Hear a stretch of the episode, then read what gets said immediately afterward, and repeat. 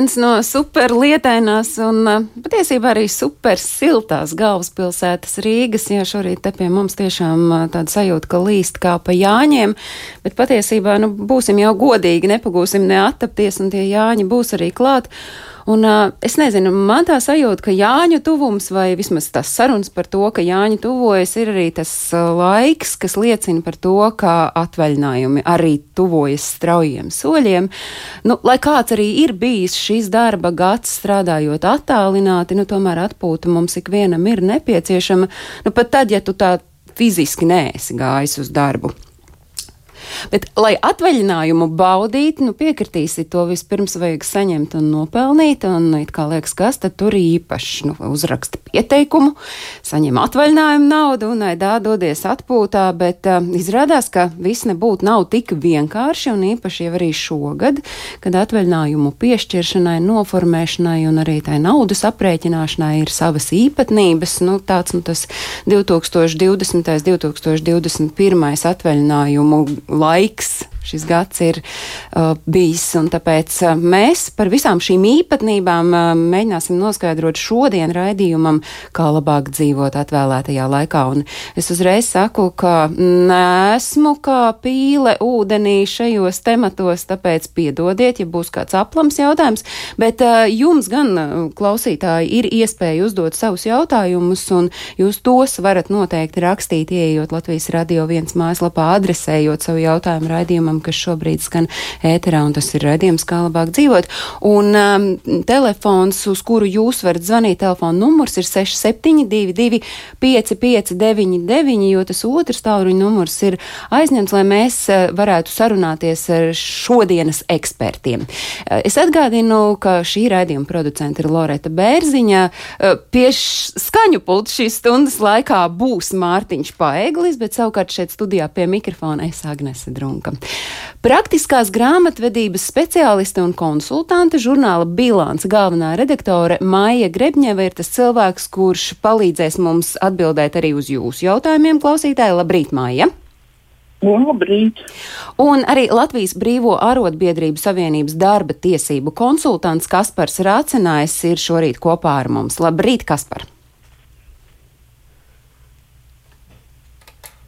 Kaspars uh, ir kaut kur uh, mazliet pazudis, bet es ceru, ka mēs pēc, pēc mirkļa arī sveicienus Kasparam sūtīsim tā tas attālinātajā strādāšanā, attālinātajos viesos, kuri sarunājas uh, ar mums pa telefonu, tā mēdz reizes gadīties.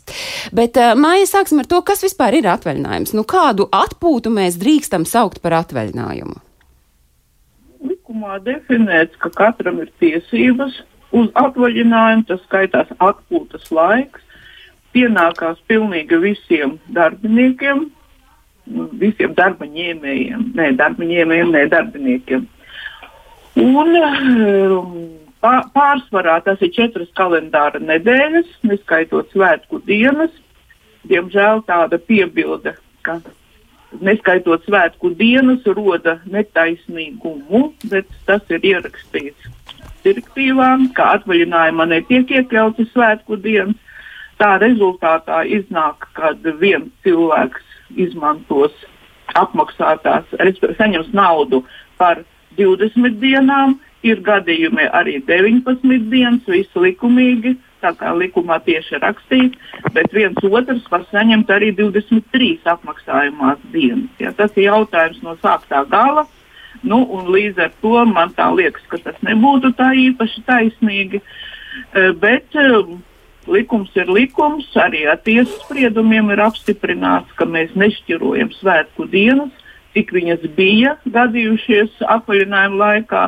Pa tik dienām arī tas atvaļinājums kļūst garāks. Nu, labi, garāks, tas vēl tā būtu pieciešams, ja, bet, kad parādās tās liekās apmaksājumās dienas, manuprāt, tas nebūtu tā teiksim. Īpaši arī varianti ir, nu, tūlīt mums būs pirmā datumā 19 gadu, kā likums stājās spēkā. Likums šajā laikā bija 26 reizes labots. Pārsvarā tie bija labojumi, kas attiecas uz juridiskiem jautājumiem. Diemžēl grāmatveža paliek novārtā, un par to es visus tos 19 gadus runāju, ka diemžēl likumā nav deliģētas nekādas nekādi pienākumi kādām organizācijām, nezinu, labklājības ministrijai, darba inspekcijai. Nu, faktiski mums likumu skaidro ministru kabinets, un līdz ar to grāmatveži vadās tikai no viedokļiem. Diemžēl tā ir liela, liela tāda sāpe. Jūs varat vēlreiz, kas tad ir tas lielākais krēņķis?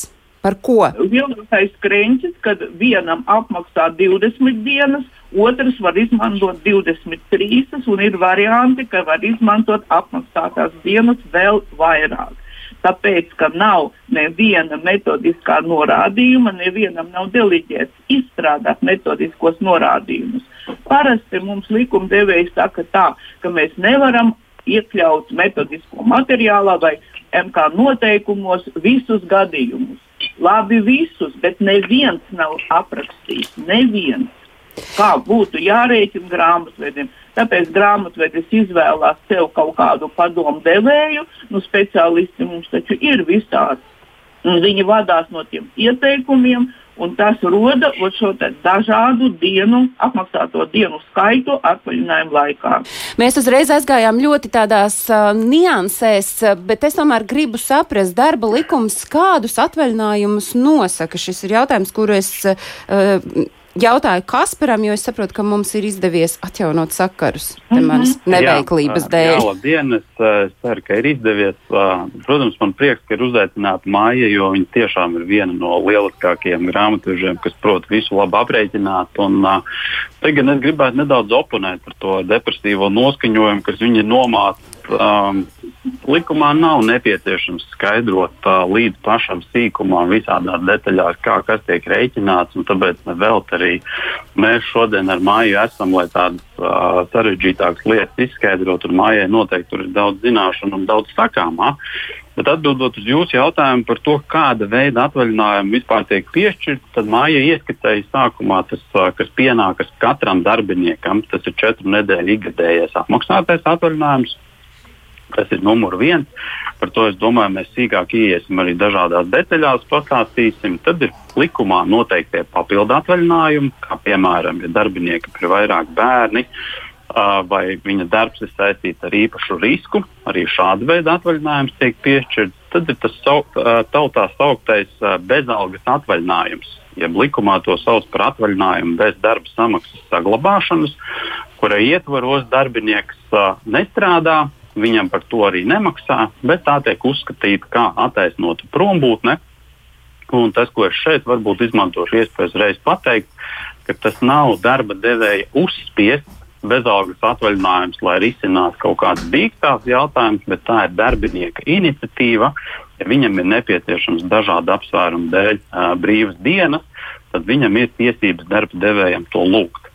Tad, protams, dāmām uh, mums, ja māmiņām ir uh, grūtniecības un dzemdību atvaļinājumi, savukārt tēviem mums ir atvaļinājums uh, uzreiz pēc bērna piedzimšanas, uh, tad mums ir arī uh, ar bērnu kopšanu saistīts atvaļinājums, kas pienākās abiem vecākiem, gan mammai, gan uh, tētim, un tad mums ir arī mācību uh, atvaļinājums, kas tiek piešķirts uh, diplomu darbu izstrādāšanai vai uh, gala eksāmenu kārtošanai.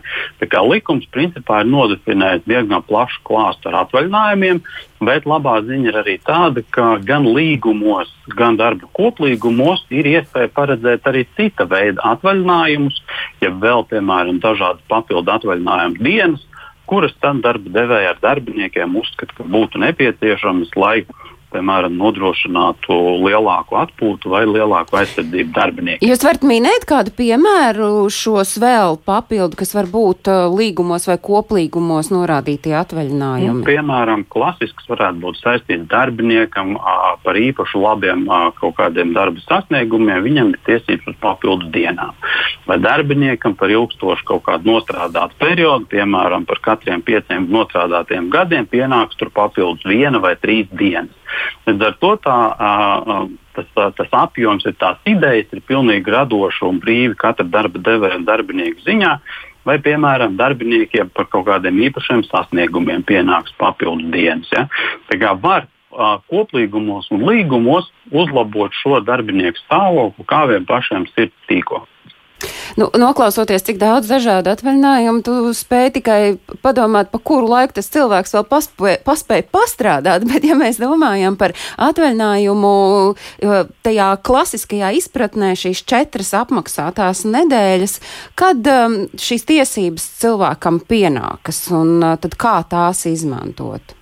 Jā, tad, kas šeit būtu jānošķir un jāsaprot divas lietas. Viena lieta, ar kuru brīdi cilvēks sāk pelnīt savu atvaļinājumu, un otra lieta, kad cilvēks drīkst prasīt jau šī atvaļinājuma izmantošanu. Tātad pirmais darba attiecību uzsākšanas brīdis ir tas, kad cilvēks jau sāk pelnīt atvaļinājumu. Un ļoti bieži uh, sūdzās, ja darbinieki tiek piemānīti, ka, lūk, ja tu esi nostrādājis, piemēram, pārbaudas laiku, un pārbaudas laikā tevi atbrīvotu, tev nekāds atvaļinājums nepienāks. Nē, tās ir muļķības, jo atvaļinājums tiek nopelnīts jau ar pirmo darbu uzsākšanas dienu, un pat ja tevi atbrīvotu pēc trijām dienām, tad tu par šīm trijām dienām jau atvaļinājumu esi nopelnījis. Otra lieta, ka darbinieks ir tiesīgs prasīt, lai viņam šo atvaļinājumu piešķirtu. Tātad pirmajā darba uzsākšanas gadā viņam ir tiesība prasīt pilnu atvaļinājumu tikai tad, kad viņš ir nostrādājis jau sešus mēnešus. Tad seši mēneši ir jānostrādā, un tad tu vari pieprasīt, lai tev šo atvaļinājumu piešķir izmantošanai. Bet atkārtoši pie izbeigšanas viņš tāpatās būtu jākompensē. Savukārt nākamajos gados jau uh, atbilstoši likumā noteiktai kārtībai vai nu pusēm vienojoties vai saskaņā ar grafikiem, tad šie atvaļinājumi tiek piešķirti. Atvaļinājums avansā pastāv tāda iespēja taču arī. Jā, protams, darbiniekam ar darba devēju vienojoties, ir tiesība paprasīt vai piešķirt darbiniekam atvaļinājumu avansā, bet šai darbiniekam, protams, ir jāņem risks, ka līdzīgi tāpatās kā ar kredītu, tu šobrīd dzīvo un baudi to, ko tu vēl neesi nopelnījis. Un izveidot darba attiecības, var izveidoties situācija, ka, ja tu šo atvaļinājumu reāli neesi nopelnījis, tad darba attiecības tiek izbeigtas, tad tev šo uh, uz priekšu jau samaksāto atvaļinājumu naudu var ieturēt, ja vienkārši nevar atprasīt atpakaļ. Bet pati šī atvaļinājuma piešķiršana, noformēšana un uzskaitē, es kā jau es radījuma sākumā minēju, es vienkārši uzrakstu pieteikumu, ka es gribu iet atvaļinājumā. Tas no manas puses ir arī viss, un pārējais viss tad ir grāmatveža rokās, personāla daļas rokās. Nu, redz, te ir divas lietas. Tātad pirmā lieta ir darba devējiem. Uh, likumā ir noteikts, ka darba devējiem piešķirot šos atvaļinājumus, ir pēc iespējas vērā jāņem darbinieka vēlmes. Tātad, ja darba devējs ar darbinieku jau sākotnēji vienojas, ja darbinieks uzraksta iesniegumu, ka viņš gribētu, piemēram, jūlijā doties atvaļinājumā, un ja darba devējiem nav problēma šādu atvaļinājumu jūlijā piešķirt, tad pilnīgi pietiek ar šo darbinieku iesniegumu. Darba devējs viņu akceptē un tālāk jau iekšēji atkarībā no birokrātiskām procedūrām tiek nokārtots jautājums, ka grāmatvedis uzraksta rīkojumu, izdo, izmaksā atvaļinājumu naudu un darbinieki dodas atvaļinājumā. Savukārt, ja darba devējs objektīvi redz, ka viņš nevar darbinieku pieprasītajā datumā piešķirt šo atvaļinājumu, tad jau sākas diskusijas tad darba devējs var teikt, es tev varētu, piemēram, pusi atvaļinājumu piešķirt jūlijā, atlikušo augustā, jo man vēl ir jāsaskaņo ar citiem darbiniekiem šī atvaļinājuma. Un tad jau notiekās šī atvaļinājuma plānošana un grafiku sastādīšana, kurā ir jāspēj apvienot vairāku darbinieku vēlmes. Jo tas, kas ir vēl jāņem vērā, ka likumā ir īpaši gadījumi, kad īpašu kategoriju darbiniekiem ir tiesības pieprasīt atvaļinājumu principā sev vēlamajā laikā. Kuri tie ir? Kā, kā piemēram, darbinieki, kuriem ir mazi bērni līdz triju gadu vecumam, viņiem ir tiesības prasīt atvaļinājumu vasarā vai jebkurā uh, laikā pēc uh, viņu pieprasījuma darba devējiem būs šāds atvaļinājums jāpiešķir. Līdz ar to, ja uzņēmumā, piemēram, ir uh, no desmit darbiniekiem trīs šādi uh, īpašu kategoriju darbinieki, nu, tad darba devējiem var rasties nedaudz apgrūtinoši. Būs jāprot, kā sabalansēt šo visu darbinieku intereses. Kā savukārt panākt, lai darbinieks aiziet atvaļinājumā? Es pieļauju, ka tas arī ir tāds klupšanas akmens darba devējiem, ja ilgstoši tas nav darīts, ilgstoši darbinieks nav bijis atvaļinājumā. Nu, es atļaušos turpināt ēterā šo, to, šo sarunu. Bet ideja ir tāda, ka man līdz galam īsti nav saprotami tie darba devēja argumenti, kurus stāsta, ka man darbinieks neiet atvaļinājumā. Draugi, mīļie, darba devējs izdod rīkojumu, ka tajā un tajā datumā darbiniekam ir jādodas atvaļinājumā. Kā tas ir iespējams, ka darbinieks nedodas atvaļinājumā? Nu, tieši tāpatās, ko mēs darām, ja darbinieks nenāk uz darbu. Mēs no vienas puses varam pieprasīt paskaidrojumus, kāpēc viņš nedodas atvaļinājumā, no otras puses ir arī disciplināras metodas, kā to darīt. Un uh, trešā lieta, ko arī šobrīd tiesa praksa ir aizgājusi, ka uh, gadījumā, ja darba devējs ir mudinājis darbinieku doties atvaļinājumā, ja darba devējs ir nodrošinājis iespēju darbiniekam doties atvaļinājumā, ja darba devējs ir informējis darbinieku, ka, ja darbinieks nedosies atvaļinājumā, tad viņam šīs tiesības zūd un viņš šo atvaļinājumu zaudē, tad principā gala rezultāts ir tāds, ka darbinieks nedodoties atvaļinājumā, šo atvaļinājumu zaudē gan izmantošanas iespēju, gan arī pēc tam kompensāciju pie darba attiecību izbeigšanas. Bet tomēr kaut kāda iespēja pārcelt atvaļinājumu tomēr varētu pastāvēt nu, kaut kādā saprātīgā laika periodā. Jā, iespēja pārcelt atvaļinājumu likums noregulē diezgan skaidri. Tātad pirmkārt, jebkuram darbiniekam obligāti vismaz divas nepārtraukta kalendāra nedēļas pienākas pēc kārtas. Un šīs nedēļas nedrīkst uh, nepiešķirt un nekādi aizskart. Atlikušās divas nedēļas var dalīt gan pa nedēļām, gan arī pa dienām, vai arī pārcelt uz nākamo gadu. Bet šeit ir svarīgi, ka ir jāsaņem darbinieka piekrišana. Bez darbinieka piekrišanas darba devējs šādi rīkoties vispār nedrīkst. Te tieši izglītības da iestādes darbinieks ir uzdevis jautājumu, vasarā paliek neizņemtas divas atvaļinājuma nedēļas. Ja es šīs nedēļas līdz nākamajam atvaļinājumam neizņemu, vai tās tiek saglabātas un cik ilgi, vai arī tomēr tiek dzēstas, nu, īsāk sakot, cik ilgi saglabājas derīgs atvaļinājums? Gadu? Ar ikgadējiem atvaļinājumiem ir tā, ka uh, noilgums darba attiecībās ir divi gadi tajā pat laikā, ja šī iespēja izmantot no atvaļinājumu nav tikusi nodrošināta no darba devēja puses, tad principā šāda te, uh, noilguma, jeb kompensācija pie attiecību izbeigšanas ir uh, bezgalīga. Likumā nav noteikti ierobežojumi šādai atvaļinājuma kompensācijai. Ja darbinieks prasa šīs divas nedēļas, bet darba devējs viņas nedod, tad darbiniekam šīs divas nedēļas nezūd. Ja darba devējs dzen darbinieku šajā atvaļinājumā, un kā jau teicu, arī pasaka, rekur, ja tu neiesi, tad tev viņas zudīs. Lūdzu, esi saprātīgs, izmanto šīs divas nedēļas, tad pastāv risks, ka darbinieks šīs divas nedēļas arī pazaudēs. Vai uh, varbūt tas, atv, uh, tas darbinieks ir izdomājis tādu plānu, ka viņš uh, nu, neiet tajā atvaļinājumā, bet to naudu grib saņemt, vai vispār kaut kas tāds ir iespējams? Jā, par to es arī runāju, ka īpaši tas ir darbiniekiem, kas tiek pieņemti uz noteiktu laiku, tur diviem, trījiem gadiem. Viņi zina, nu, trīs gadus pastrādāšu, un pēc tam tāpatās man izmaksās trīs atvaļinājuma kompensācijas.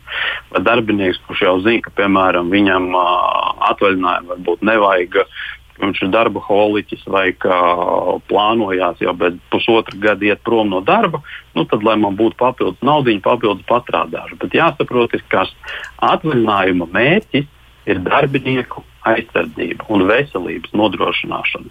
Mums jau var likties, kamēr mēs jauni neiesim atvaļinājumā, ka tas baigi neko nekaitēs. Bet sakrājoties gadiem un gadu no gada, es esmu redzējis arī grāmatvežus, kas 11 gadus nav bijuši atvaļinājumā. Teikšu godīgi, nu, veselības stāvoklis nu, nav no tiem labākajiem. Līdz ar to šis ir jāņem vērā. Darbiniekiem ir jāizmanto atvaļinājumi. Bet, protams, katrs jau pats atbild par sevi un tāpēc arī atbildēs par tām sekām. Bet, izbeidzot darba attiecības, likumdevējs ir pateicis, ja darba devēja vainas dēļ šis atvaļinājums nav ticis izmantots, tad būs jākompensē naudā. Bet izmantot ļaunprātīgi un tagad cerēt, ka nu, es neiešu atvaļinājumā ar mērķi papildus nopelnīt, ilgtermiņa stratēģijā tas ir pilnīgi nepareizi. Māja, jūs esat grāmatvede, grāmatvedības speciālisti un konsultante. Sakiet, Māja, jūs taču ejat atvaļinājumā. Tikko vienkārši Kaspars sacīja, ka ir grāmatveži, kur neiet atvaļinājumā. Jūs taču ejat. Nu, nosacīsiet. Māja. Mēs taču dzirdējām, nu, lekā. Bet, eh, Maija, jums gan es jautāšu par to atvaļinājuma apmaksu. Kā tā tiek rēķināta un uh, atklājiet visas tās nianses un, un aizkulises? Nu, nianses nekādas īpašas nav. Viss rakstīts likumā, kā atvaļinājuma nauda. Nu, faktiski ne atvaļinājuma nauda, bet vidējā izpeļņa. Arī priekš atvaļinājuma naudas tiek rēķināta no pēdējiem sešiem kalendāra mēnešiem cik gadus bija jāgaida, kamēr to kalendāra mēnesi ir ierakstījuši likumā, nu šodien viņa ir ierakstīta. Tātad seši iepriekšējie mēneši veido to summu, no kuras rēķina vidējo. Nu, visvienkāršākais variants atskaita visas, al, visu darba samaksu. Ar darba samaksu saprota algu, piemaksas un prēmijas.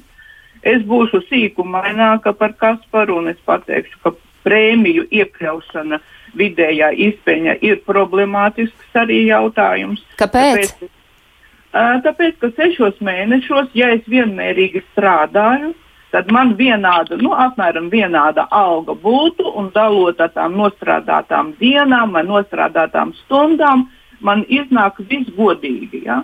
Bet iedomājieties situāciju, ka tajos sešos mēnešos es pastrādāju tikai divus mēnešus, trīs mēnešus. Ja? Tātad man tā apmaksa ir tikai par tādu periodu. Un es izdalu ar nostrādātām dienām, arī viss notiek godīgi. Bet, ja cilvēks nostrādāja 3, 4, 5 dienas tikai, un viņam iekrīt šajā mēnesī prēmija par iepriekšējo gadu, kur ir gana liela, tad lūk, tā summa dubultojās, trīskāršojās un vēl vairāk. Tur vienkārši fantastiska summa iznāk dienas vidējais. Grāmatveži to ļoti labi zina. Nu, vienīgais variants, kad es nezinu, cik daudz ir tādu darba devēju, kas gada prēmijas maksā. Ja mazas prēmijas, tad tas neko neiespaido īpaši. Bet tieši liela prēmija un dažas tikai dienas, dienas vidējā iznāk fantastiska, un ar to vidēju ir jāapmaksā darba dienas atvaļinājuma laikā. Sakiet, tas ir tas Jūs varat minēt kādu piemēru atvaļinājuma naudas aprēķināšanai, lai taptu nu, skaidrs?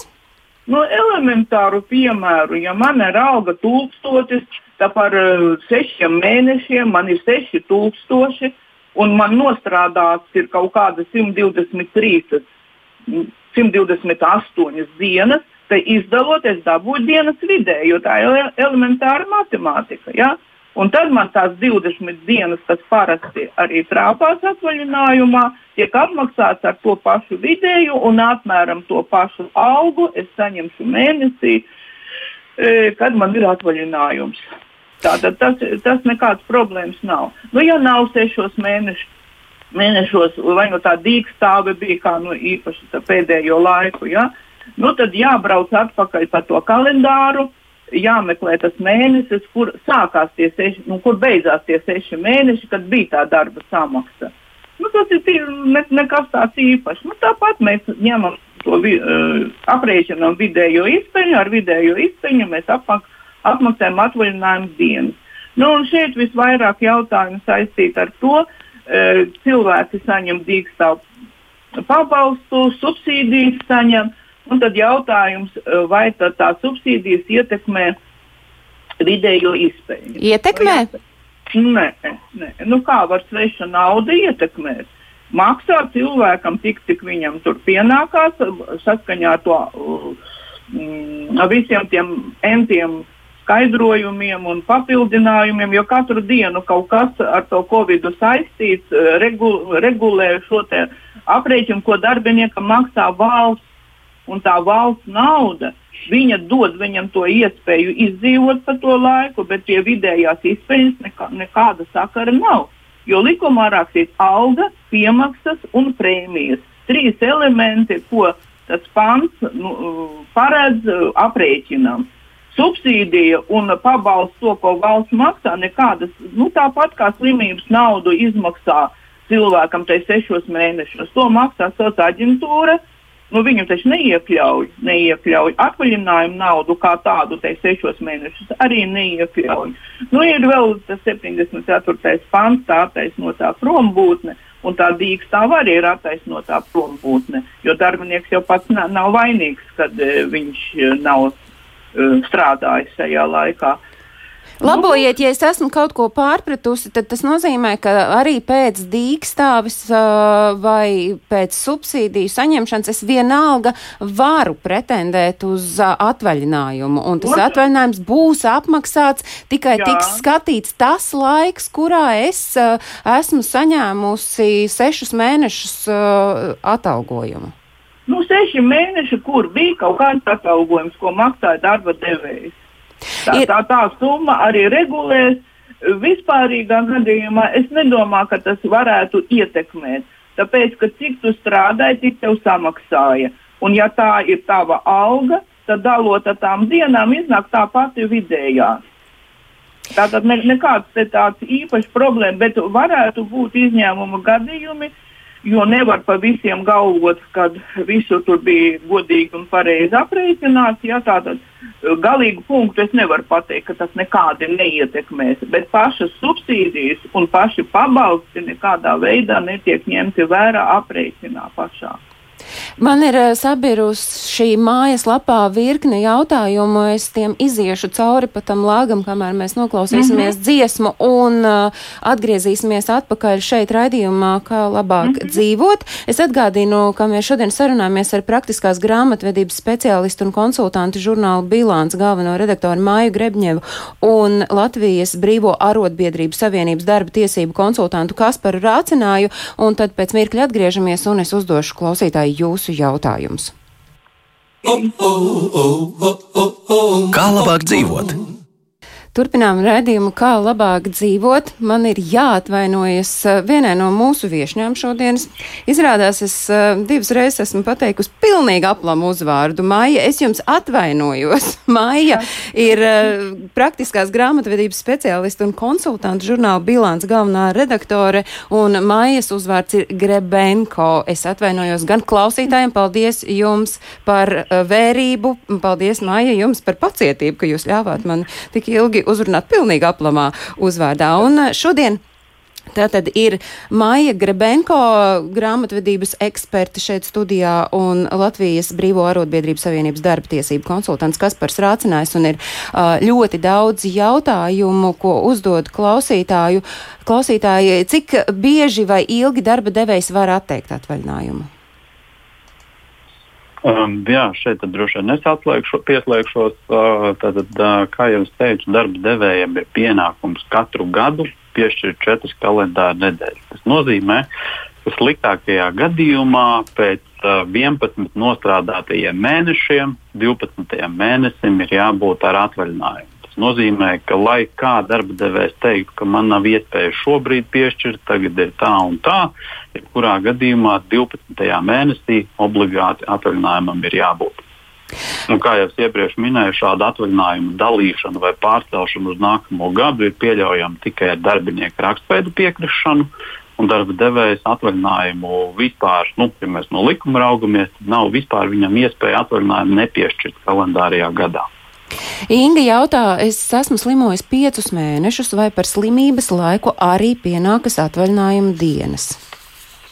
Uh, jā, šeit es teikšu, ka par atvaļinājumu, par to laiku, ko darbinieks attaisnojošu iemeslu dēļ nav veicis darbu, un šajā gadījumā tā ir slimība, darbinieks nopelna atvaļinājumu. Tieši tāpat kā iepriekš māja runāja arī par dīkstāves periodiem, arī dīkstāves periodā darbinieks atvaļinājumu nopelna un darba devējiem par to laiku būs uh, jāizmaksā atvaļinājums.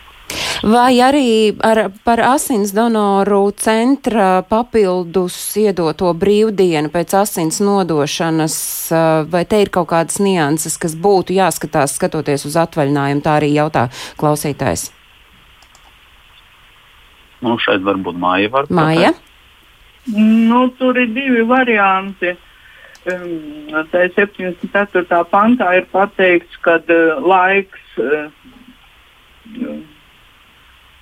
jāapmaksā laiks, kad viņš nodod asins, bet atsevišķi tur ir sestā daļa, kur pateica, ka uh, par katru nodošanas dienu pienākās viena apmaksāta atpūtas diena, bet ne vairāk par piecām gada laikā.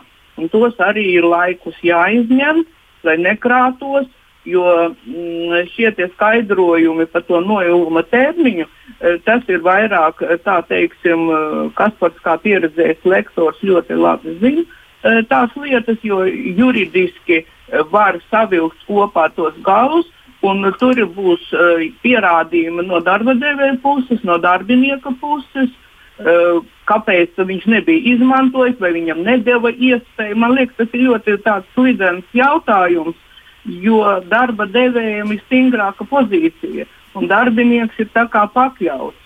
Un, uh, diemžēl tas tiek izmantots uh, tādā veidā, ka darbiniekam švakāk iet šajā jautājumā. Bet par donora dienām pat katru reizi jāsaņem to izziņu, ko darbā iesniegt uz kā pamata, tad tās dienas būs piešķirtas. Jā, tieši tā.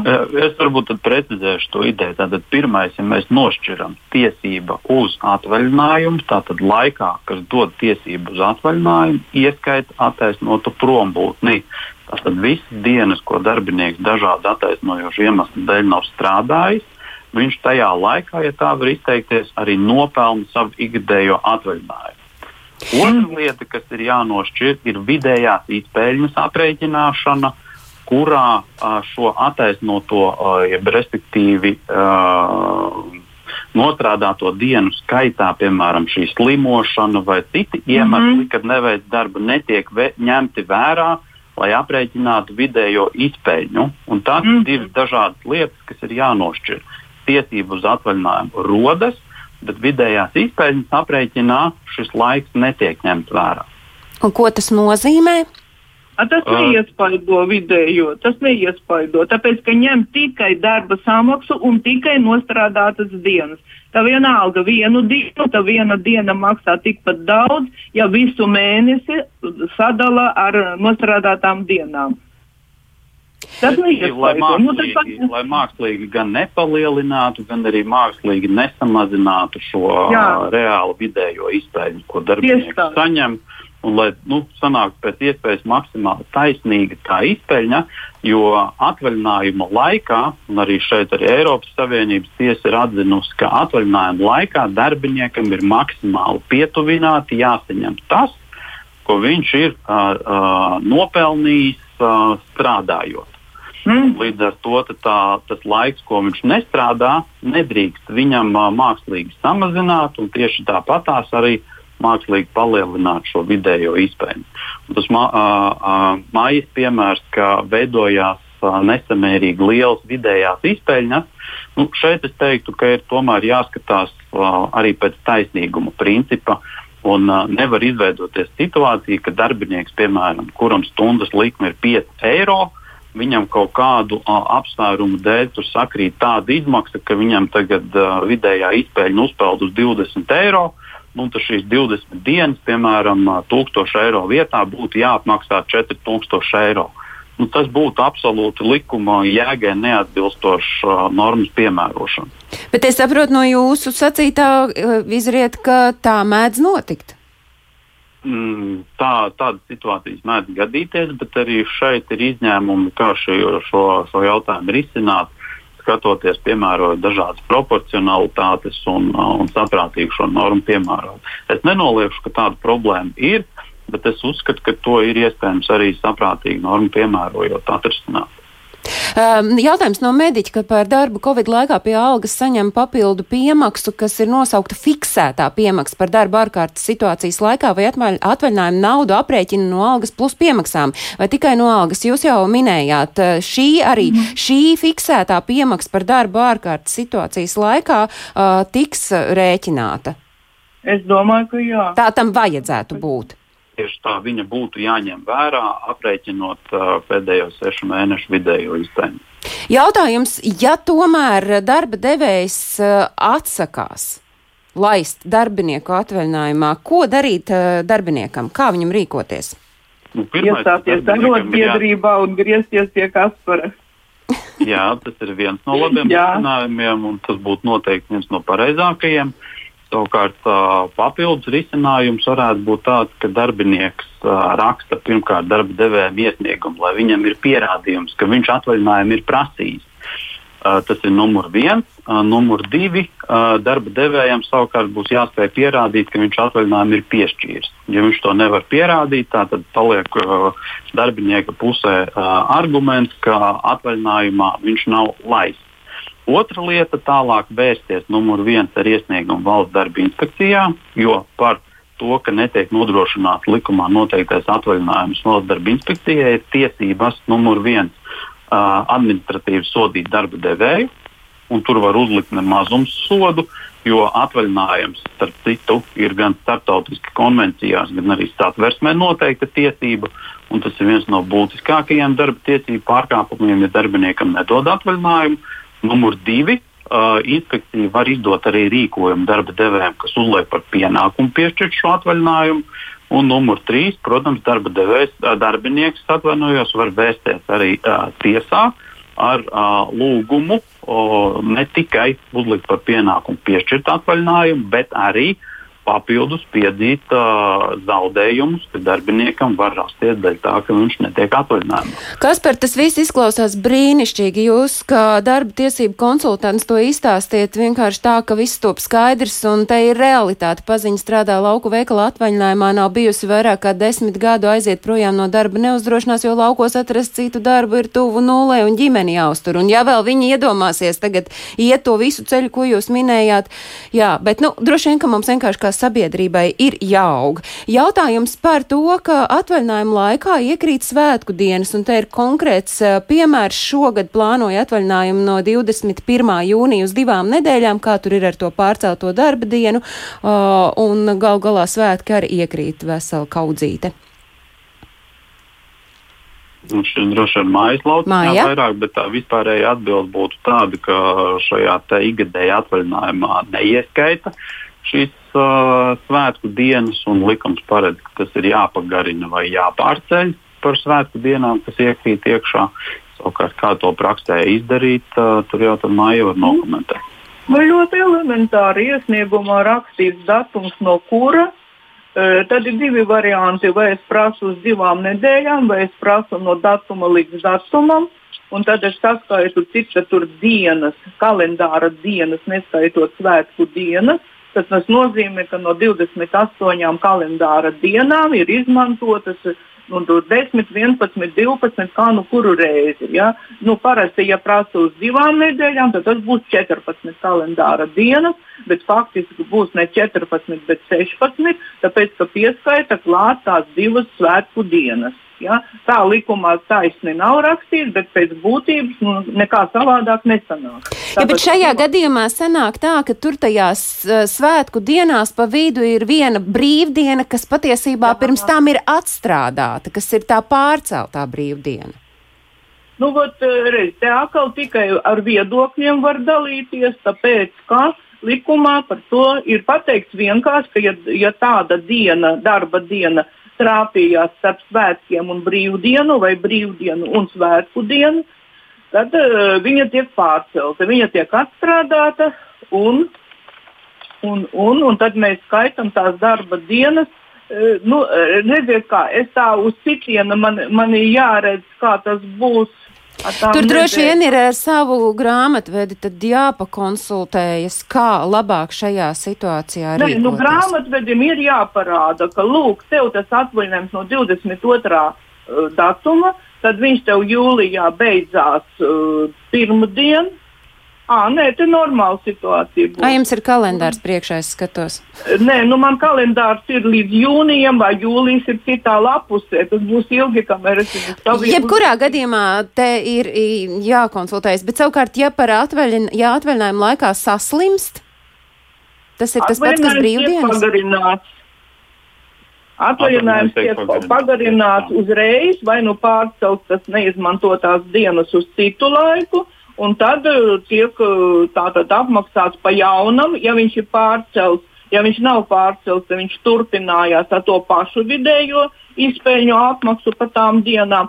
Un tur arī ir nianses, jo praktiski rēķinot, e, var tikai parādīt. Tātad grāmatvedim vienkārši jāpaskaidro. Tev bija trīs uh, slimī, slimības dienas, un tev atvaļinājums tur beidzās, teiksim, svētdiena tādā un tādā datumā, nu, ja mēs te nedēļām skaitām, ja? bet viņš tev vēl trīs dienas turpināsies, un es tev apmaksāšu tās trīs dienas Nu, tas ir kontakts, tas ir komunikācija. Jo nekas tāds pārdabisks tur nav. Augstākās matemātikas nav.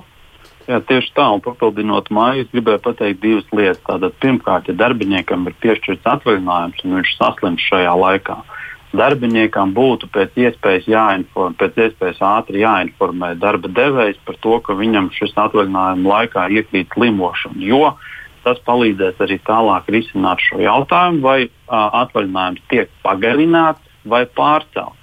Un uh, diezgan uh, apskaužamā situācijā var būt arī darba devējs, kurš rēķinās, ka darbinieks pirmdien būs darbā, bet darbinieks pats uz savu galvu ir izdomājis, ka viņš to nedēļu, ko ir noslimojis, tagad viņš nenāks uz darbu. Uh, Par šo, kā arī Maija teica, ir jābūt komunikācijai un abām pusēm ir jāvienojas, jo darbinieks patvaļīgi nevar izlemt, vai atvaļinājumu pagarina, vai tagad viņš pateiks, nu, tad lūdzu uh, uh, pievienotās dienas, piemēram, atlikušajai atvaļinājuma daļai.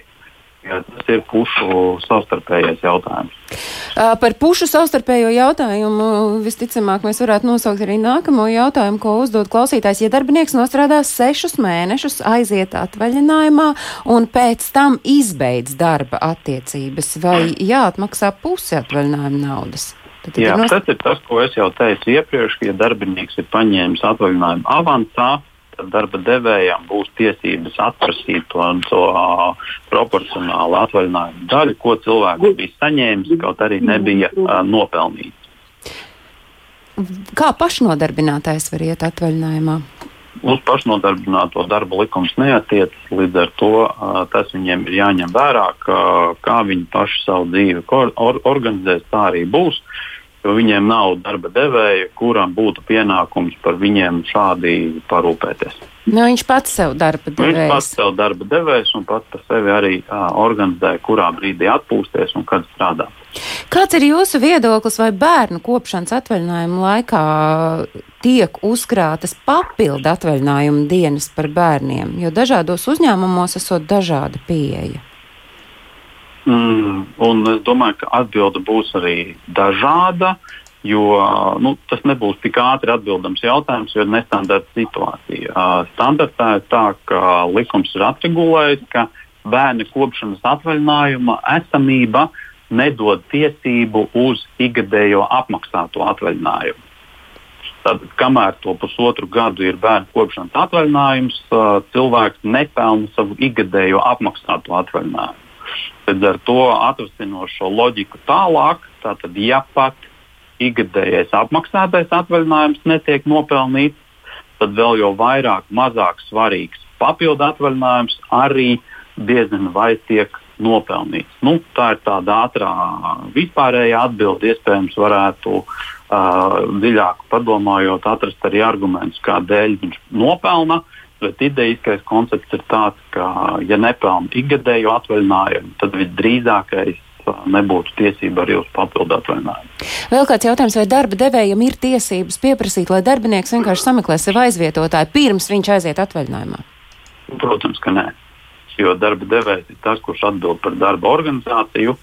Un, uh, līdz ar to šis pienākums, citu darbinieku meklēšana, ir uh, darba devēja ne tikai kompetence, bet arī pienākums. Protams, savstarpēji vienojoties, tur uh, var palūgt uh, un aicināt, nu, rekur, jūs tur savā starpā darbinieki varbūt atvaļinājumu grafikus saskaņojat, kas ir pilnīgi normāla praksa, uh, bet uh, uzspiest ar tādu rīkojumu vienpusēji darīt tā nedrīkst.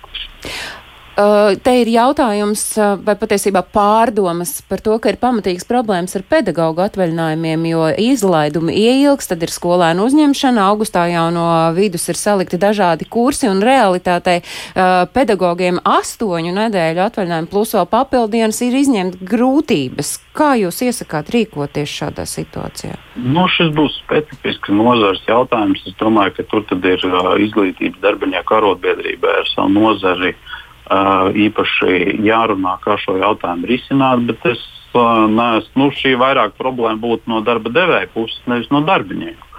Jo, ja darbiniekam šāda tiesība ir, tad viņam ir tiesība to arī pieprasīt. Savukārt, kā praktiski to realizēt, uh, tur tad, nu, pusēm savā starpā jārunā arotbiedrībai ar darba devēju. Iespējams, kaut ko tur var koplīgumā atrunāt, kaut kādu procedūru. Līdz ar to tas būs saruna ceļš. Savukārt uzņēmumā grāmatvežiem nereti atvaļinājuma laikā darbs ir jāpadara vienalga, vai par to uzņēmumu vadītājs var atteikties veikt samaksu. Acīm redzot, konkrēts piemērs, ja reiz ir tik tieši jautājums. Nu, šeit, ja mēs runājam vispārīgi, tad uh, būšana atvaļinājumā ir ar mērķi atpūsties, atvaļinājuma laikā darbinieks strādā, dar, darba devējs nedrīkst prasīt, ka darbinieks strādā. Tieši tāpat kā darba nespējas laikā.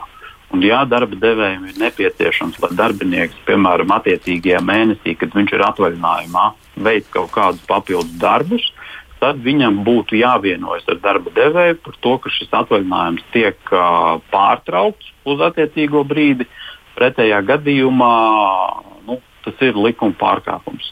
Savukārt, ja mēs atbalstam situāciju, ja darbinieks piekrīt atvaļinājuma laikā kaut ko, kaut ko pastrādāt, nu, tad tā ir viņa atbildība no likuma viedokļa.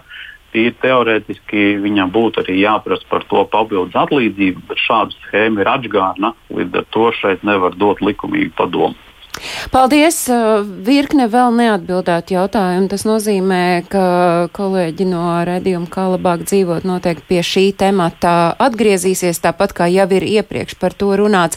Es saku šorīt paldies praktiskās grāmatvedības speciāliste un konsultante žurnāla bilāns galvenā redaktora Māja Grebenko bija šeit studijā Latvijas Brīvo arotbiedrību savienības darba tiesību konsultants Kaspars Rācenājs. Par šīs dienas raidījumu raidījumu Kā labāk dzīvot rūpējās Loreta Bērziņa, Girds Bišs un Mārtiņš Paeglis. Studijā biju es, Agnese Drunka. Paldies viesiem, paldies klausītājiem un atā!